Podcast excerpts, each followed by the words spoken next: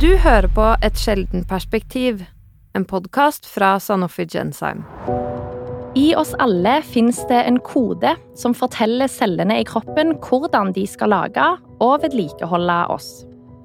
Om vi får blå øyne, brunt hår, og om vi er disponible for sykdom. I jakten på en sjelden diagnose må man ofte lete i nettopp denne koden. I denne episoden utforsker vi hvordan man saumfarer det menneskelige biblioteket, og hva det kan bety for den enkelte.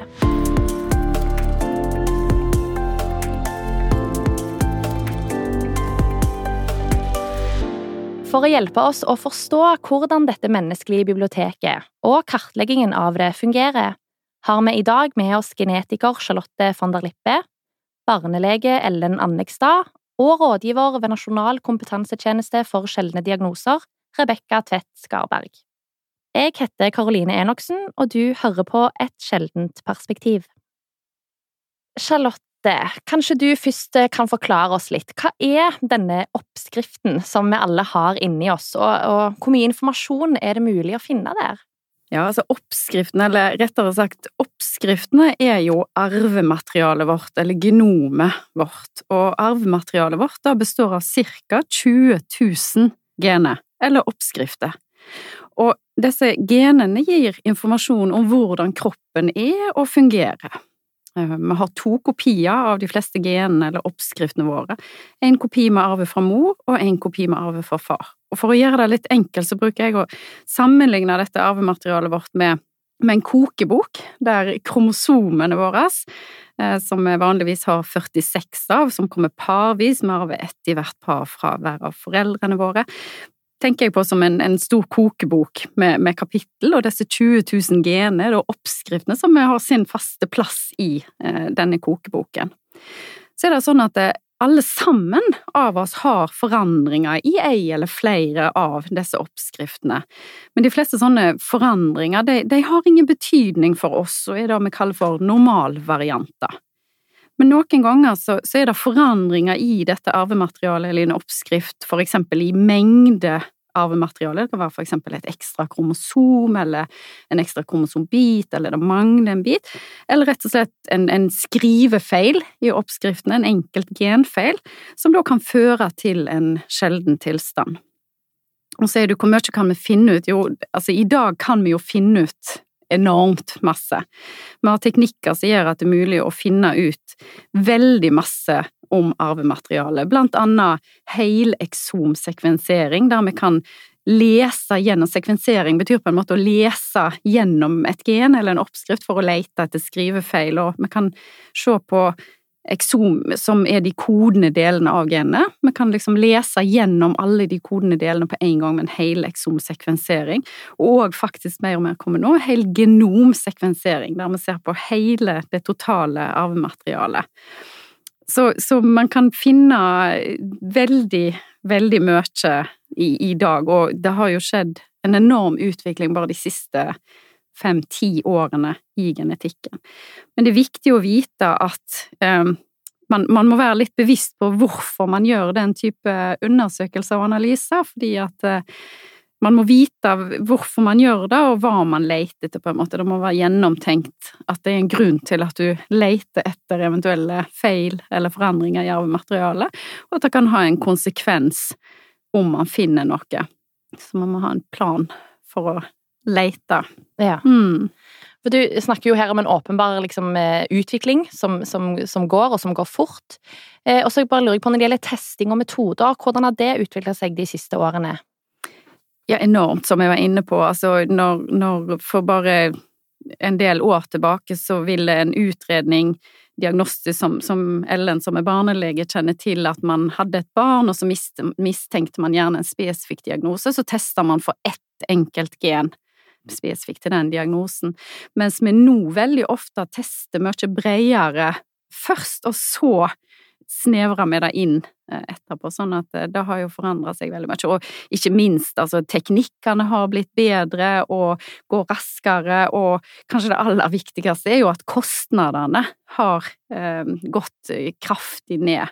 Sånn at når eh, man først kunne gjøre en eksomsekvensering, så koster jo det masse penger, og det er fremdeles dyrt, men, men sammenlignet med hva det vil gjøre å teste ett og ett enkeltgen, og gjerne òg utsette et barn for andre undersøkelser som kan være ubehagelige, så, så har jo kostnaden gått veldig mye ned, og ikke minst tiden det tar ifra man begynner å utrede genetisk til man gjerne har et svar.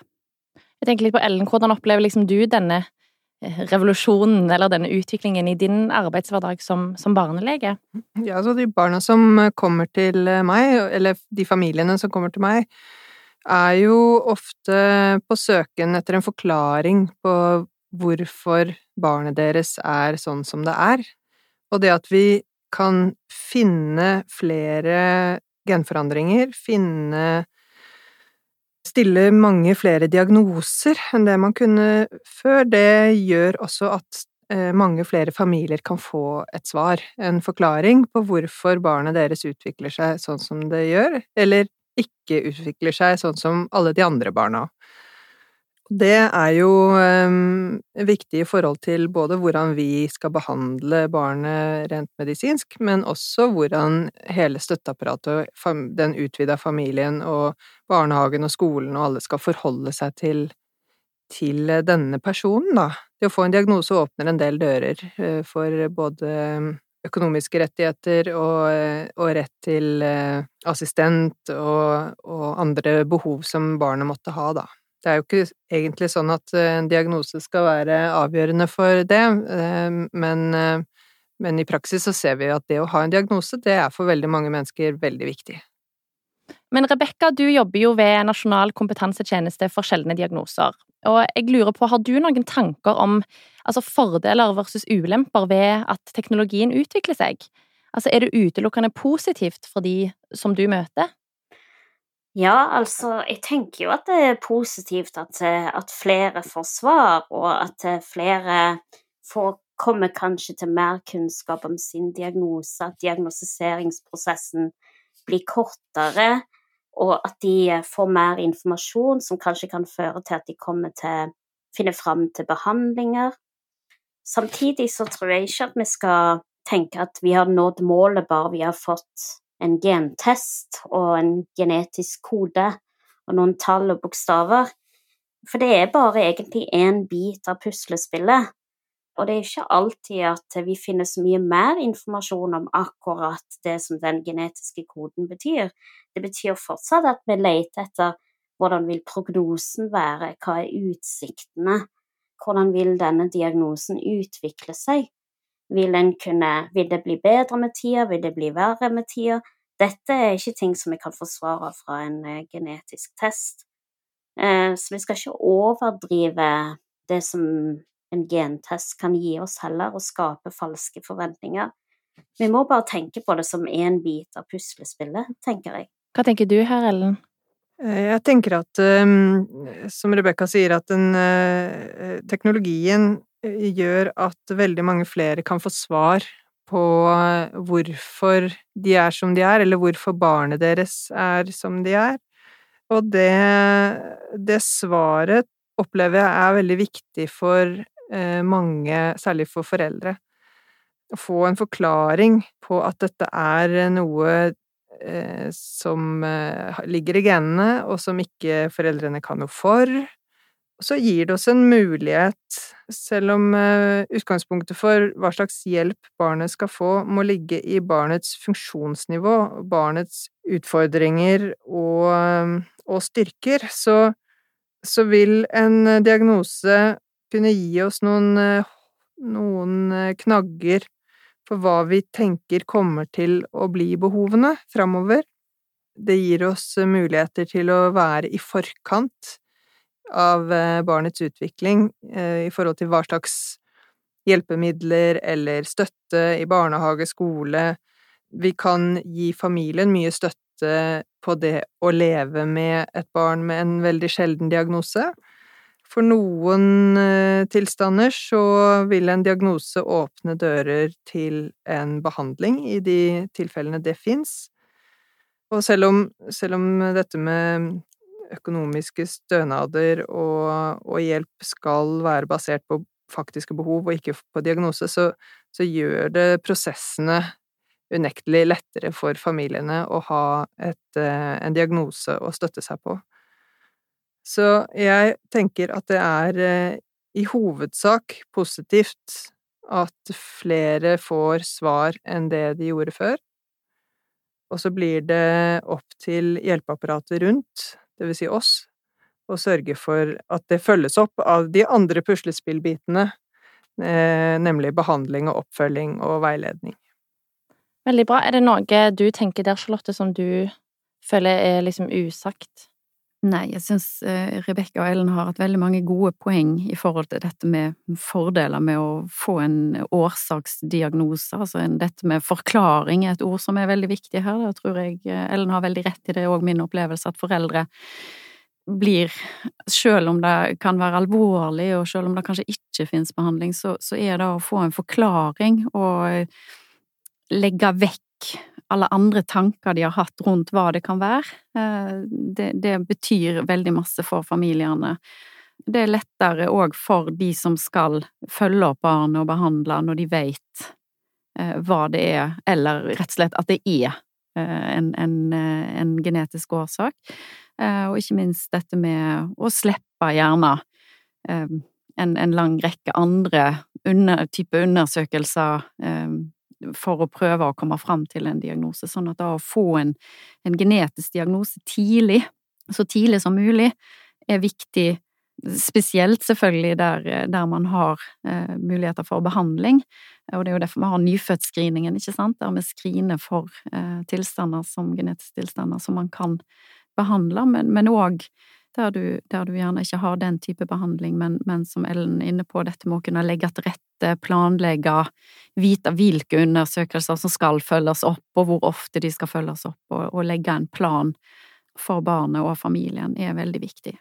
Og for en del familier så er det jo også viktig i forhold til det å planlegge eh, hvordan familien skal utvikle seg, om det skal bli eh, født søsken, for eksempel, og, og hvordan man skal eh, forholde seg til muligheten for at søsken kan få samme tilstand, og behov for henvisning til genetisk veiledning. Jeg har jo òg et litt sånn voksenblikk. Det er like viktig, tror jeg, for voksne som kanskje har fått uh, feil Det er mange som har fått feil diagnose, mm. eller har fått en for upresis diagnose. Mm. Har fått en slags sekkebetegnelse. Og i mange år kan de ha fått en feil oppfølging, da, egentlig. Eh, de har ikke fått en presis nok diagnose som har gitt dem de rette redskapene til den, eh, til den behandlingen og oppfølgingen som de kunne ha fått. Så vi ser jo òg i dag at det er voksne som, selv om de har blitt klinisk diagnostisert, kanskje, som barn, eh, som, som når de var veldig små, så ønsker de allikevel å få en slags genetisk bekreftelse, og dette går på å få en mer presis diagnostisering for å finne ut hvilke medisiner som er tilgjengelige, og ikke minst hva prognosen vil være mot resten av livet. Absolutt, Rebekka, det er jo et veldig viktig, viktig poeng, og har, at vi har hatt litt fokus kanskje på barn, eh, så er det helt klart, som du sier, viktig at voksne òg får da tilbudet og muligheten, fordi sånn som du forteller, når du, du, var barn, så var ikke den teknikken tilgjengelig, kunnskapen var gjerne ikke der. Eh, sånn at det er like så viktig for voksne å få muligheten til å få en, en genetisk forklaring, hvis, hvis, det er mulig å gi. Og um, dette med, med internasjonale kontakter, muligheter for å treffe andre med, med lignende tilstand, og ikke minst er det viktig dette du sier med at noen har havna i en sekkediagnose og kanskje fått en ikke helt optimal oppfølging. Så, så det er et veldig viktig poeng, Rebekka. Jeg lurer jo òg litt på, altså, fordi eh, vi vet jo at teknologien kommer jo bare til å fortsette å utvikle seg, og òg vil jo kommunikasjonen vi har på tvers av landegrenser og sånn òg bare bli enda lettere. Så jeg lurer litt på hva dere ser for dere de neste ti årene.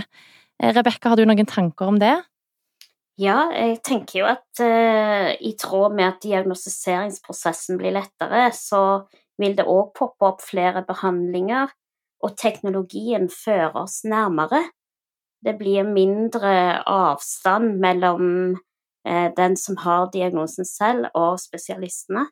Det er mye lettere å søke kunnskap ut av sitt eget land og komme i kontakt med, den, med ekspertise kanskje i et annet land. Og ikke minst så kan ekspertene snakke lettere seg imellom, kan komme sammen i internasjonale nettverk, kan drøfte case gjennom IT-plattformer og se på røntgenbilder på tvers av land osv. for å nettopp komme et skritt videre og finne neste bit i det store puslespillet. Kanskje er noe som er veldig sjeldent i Norge, kanskje ikke så sjeldent i Italia, eller de har mer kunnskap om det i Frankrike, og så kan de komme sammen og sammenligne den kunnskapen de sitter på, og da begynner det å skje ting. Og det tror jeg kommer til å skje i løpet av de neste 30 årene. Mm. Vel, absolutt. Det er ingen tvil om at mange, mange flere, både, barn og voksne, vil, vil få en genetisk eh, forklaring eller årsaksdiagnose i de neste årene som kommer, og eh, at det vil åpne dører både i forhold til eh, behandling og ikke minst dette, som du sier, Rebekka, tilgang på tvers av landegrensene til kunnskap. Eh, og det er jo i sjelden feltet så jobber vi jo i dag òg på tvers av landegrenser, så vi, vi snakker sammen med mm. eh, kollegaer i, i, i, utland og innenland, skulle jeg si. Så, så, vi jobber jo sammen, da vil det jo bare bli mer av. Og mm. dette med trygge plattformer å dele sensitive data på, da er jo noe som jeg tror kommer mer og mer, og at det er måten vi kommer til å jobbe på mye mer framover, til gode for pasientene og familiene. Jeg stiller meg absolutt bak, eh, bak det. Både familier og, og, eh, vi som jobber som fagfolk innenfor dette feltet, har jo eh, mye mer blikket vendt utover til internasjonale nettverk, internasjonale konferanser, Facebook-grupper, eksperter, eh, likemannsarbeid i andre land enn det vi hadde for bare fem–ti år siden. Og det er nok en utvikling som bare kommer til å fortsette. Og for sjeldenfeltet, hvor det kanskje fins eh, fem pasienter i, i, verden med samme diagnose, så er jo det helt eh, både nødvendig og, og uvurderlig eh, for oppfølgingen av disse pasientene. Mm. Så vi kommer nærmere hverandre, på en måte. Ja. Mm. Det høres jo lovende ut, vil jeg absolutt si. Tusen takk, Charlotte, Ellen og Rebekka. Sjeldentelefonen til NKSD er en gratistjeneste åpen for privat- og fagpersoner som har spørsmål om sjeldne diagnoser. Telefonen er åpen hver ukedag mellom åtte og halv fire, og du kan nå den på nummer 800 41 710. For mer informasjon om sjeldne sykdommer kan du òg besøke Sanofi Gensheim sin nettside sjeldne-sykdommer.no. Takk for at du hørte på denne episoden av Et sjeldent perspektiv, en podkast fra Sanofi Gensheim.